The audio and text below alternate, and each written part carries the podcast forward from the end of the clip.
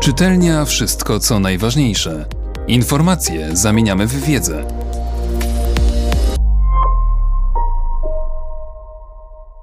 Ksiądz profesor Piotr Mazurkiewicz. Misja Uniwersytetu według Jana Pawła II. Jeśli Catholic Education oznaczać ma szersze otwarcie się na prawdę, to szczególną wagę należy w nim przywiązać do jakości zarówno zdobywanego na uniwersytecie wykształcenia, jak i prowadzonych badań naukowych. Jan Paweł II bardzo dbał o podtrzymywanie relacji ze światem uniwersyteckim. Kolokwia w Castel Gandolfo są jednym z przejawów tej troski. Również podczas każdej pielgrzymki zagranicznej papież starał się o osobne spotkanie ze środowiskiem uniwersyteckim i ludźmi kultury. Przy tej okazji często nawiązywał do swoich osobistych doświadczeń studenckich i profesorskich. Universitas to szczególne środowisko nastawione na poznanie wszystkiego, mówił Jan Paweł II. Środowisko to znaczy ludzie, których łączy pewien rodzaj zdumienia otaczającym światem i bezinteresowne pragnienie zrozumienia tegoż świata, miejsca w nim człowieka i sensu ludzkiej historii. Nie chodzi tu jedynie o jakąś wiedzę szczegółową, ale o poznanie wszystkiego.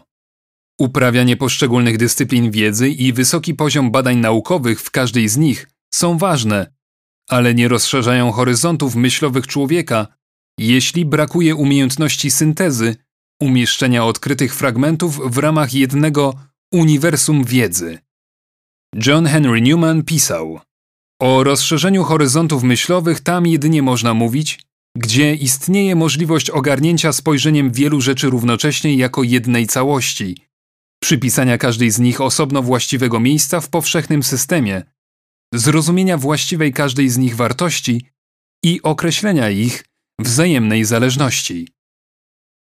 Celem edukacji uniwersyteckiej jest więc doskonalenie i poszerzanie horyzontów umysłowych, ale zarazem cel ten nie może być osiągnięty poprzez intensywny trening w ramach jednej czy nawet kilku dyscyplin akademickich.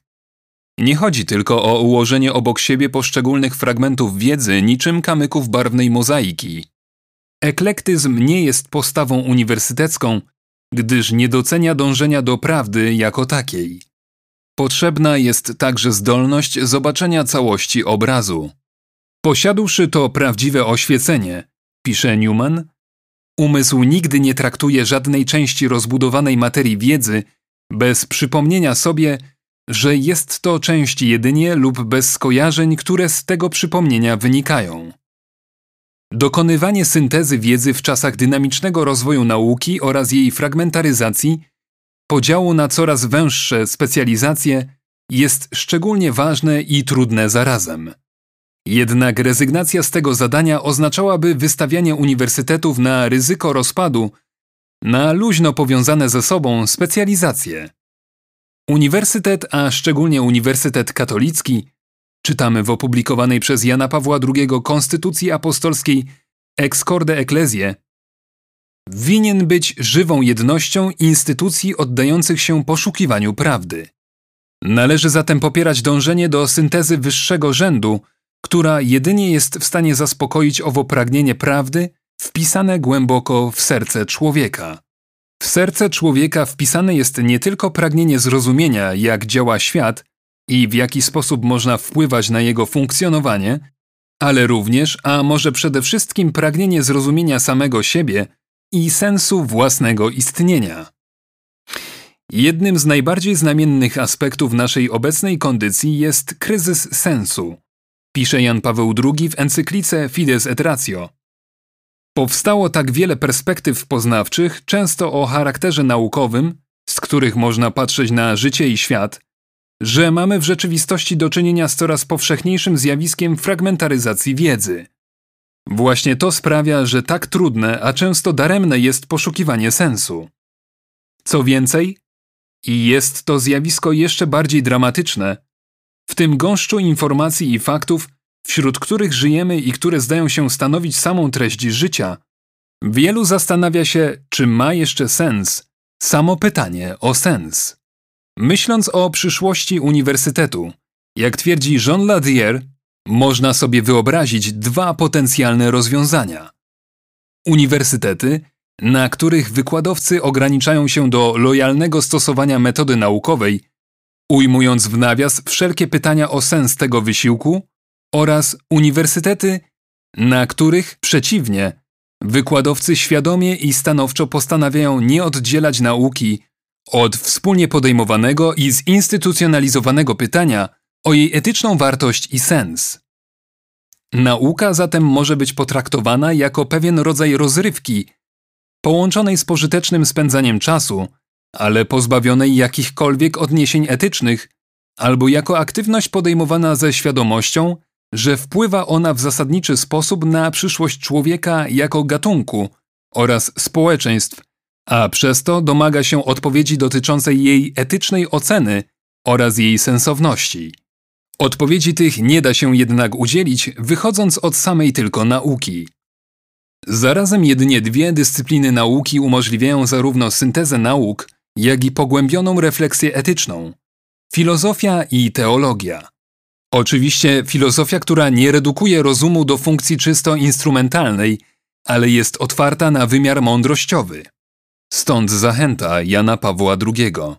Wykorzystując dorobek filozofii i teologii, uczeni winni podejmować nieustanny wysiłek określania właściwego miejsca i znaczenia każdej z poszczególnych dyscyplin w ramach ogólnej wizji osoby ludzkiej i świata, w świetle Ewangelii, a zatem wiary w Chrystusa Logos jako centrum stworzenia i ludzkich dziejów.